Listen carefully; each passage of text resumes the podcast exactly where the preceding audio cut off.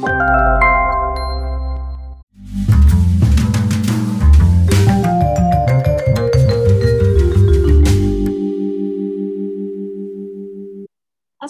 warahmatullahi wabarakatuh.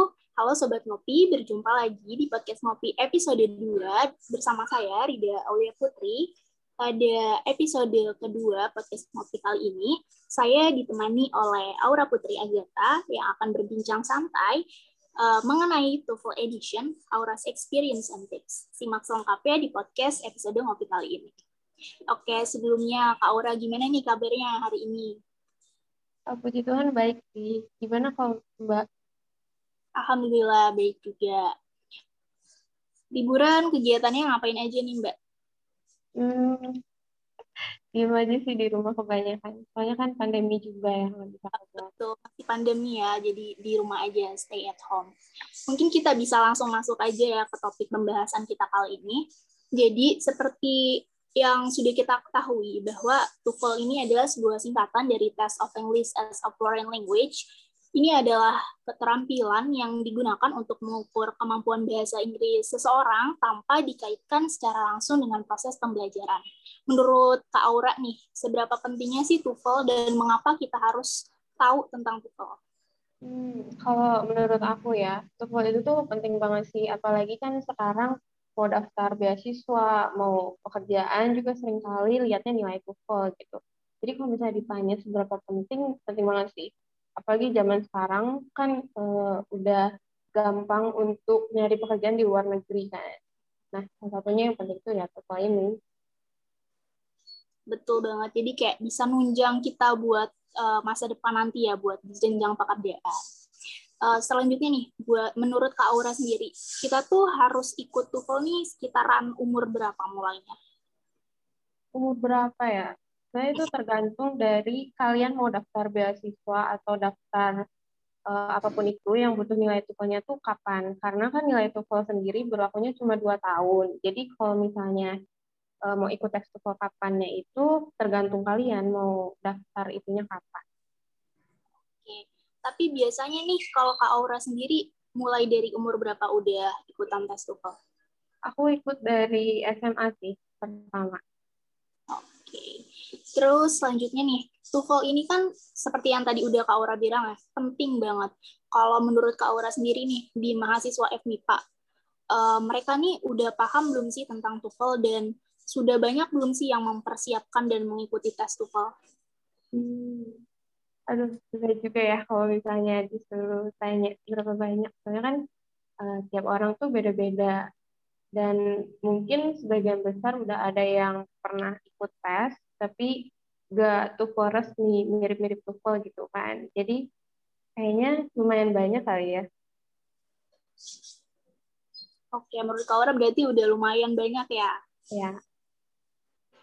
Uh, selanjutnya nih, kalau misalnya uh, mahasiswa FMIPA ini belum banyak misalnya yang belum paham tentang TOEFL. Kak Aura nih ada saran nggak sih atau solusi buat mereka-mereka yang memang belum paham tentang TOEFL? Hmm, uh, banyak ya. Sekarang itu banyak yang namanya free webinar guys belakangan ini dan sempat-sempat kemarin tuh aku juga nemu uh, pelatihan untuk TOEFL sama IELTS. Jadi kalau misalnya teman-teman masih banyak yang bingung apa itu TOEFL, apa itu IELTS, dan bedanya antara keduanya, mungkin bisa cari-cari gitu ya kayak uh, webinar atau pelatihan TOEFL yang sebenarnya nggak nggak selalu bayar sih. Kemarin yang aku ikut juga itu cukup berat, eh itu emang gratis. Oke, apalagi lagi masa liburan kayak gini kan ya buat ngisi waktu luang, bisa yeah. banget webinar, banyak banget webinar-webinar gratis. Nah, terus terkait dari saran yang udah Kak Ora kasih nih, boleh nggak sih Kak Aura uh, ceritain sedikit tentang pengalaman Kak Aura buat uh, mempersiapkan tes sama ikut tes TOEFL? Hmm. Uh, jadi waktu itu tuh aku nyiapin tes TOEFL, sebenarnya cuma singkat ya, sekitar dua bulan gitu. Dan ini jangan diterus sih sebenarnya, soalnya lebih baik kalau nyiapinnya lebih dari itu. Mungkin sekitar 3 sampai 4 bulan biar kalian tuh lebih mantap lagi kalau misalnya mau ikut tes. Nah, biasanya kalau aku mau ikut tes uh, itu mulai dari ngulang lagi materi-materi dasar yang udah kita pelajarin dari sekolah.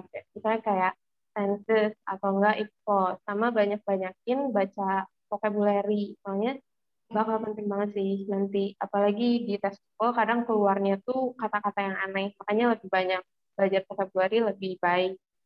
Uh, untuk latihan juga aku banyakin ngerjain soal dari buku sama dari internet. Jadi manfaatin aja deh yang ada kalau bisa dari uh, persiapan yang tadi udah Kak Aura uh, jalanin ya, ada nggak sih yang uh, bikin Kak Aura ini jadi kesulitan? Terus bisa dijelasin nggak nih bagian apa yang bikin Kak Aura sulit? Dan gimana cara ngatasin situasi kayak gitu? Hmm, yang bikin sulit ya, sebenarnya kalau dilihat sulit itu semuanya sulit apa ya dalam segi bikin jenuh lebih ke bikin jenuh terus sama malas juga. Kan tiap hari disuruh ngapalin uh, vocabulary gitu ya berapa kata perharinya itu kan jenuh banget. Terus males dan yang sampai sekarang masih jadi masalah gitu. Uh, terus kalau untuk cara aku ngatasin itu biasanya aku tuh inget-inget lagi tujuan aku. Kayak aku ngikut pas tuh karena apa gitu. Uh, pengen dapat nilai yang bagus untuk apa dan jangan sampai nanti di akhirnya menyesal. Soalnya kan eh, salah satu prinsip aku juga do what you want but don't regret it later gitu ya. Jadi aku milih sesuatu itu harus benar-benar mantap jangan sampai nanti di kemudian hari nyesal juga. Gitu. Oke, berarti emang sulitnya tuh di situ ya dari rasa males dan rasa konsisten buat terus belajar gitu kan ya dan kembali lagi tadi solusinya berarti harus ingat tujuan awal kita buat belajar itu kenapa. Terus untuk tadi kan sebelumnya Kak Aura udah jelasin nih buat sumber belajarnya itu dari internet ataupun buku. Uh, apa ada sumber-sumber yang lain buat belajar TOEFL ini? Hmm, uh, mungkin ya di kota-kota kalian mungkin ada yang les Inggris juga, termasuk aku pernah ikut gitu. Nah, itu juga bisa sih, tapi kan itu butuh biaya ya. Jadi emang lebih baik kalau bisa sih belajar sendiri aja kalau emang gak butuh les kayak gitu. Dan sebenarnya banyak juga kan eh, buku-buku TOEFL yang emang udah tebal isinya ada materi sama latihan itu juga udah cukup lengkap sih kalau misalnya mau belajar TOEFL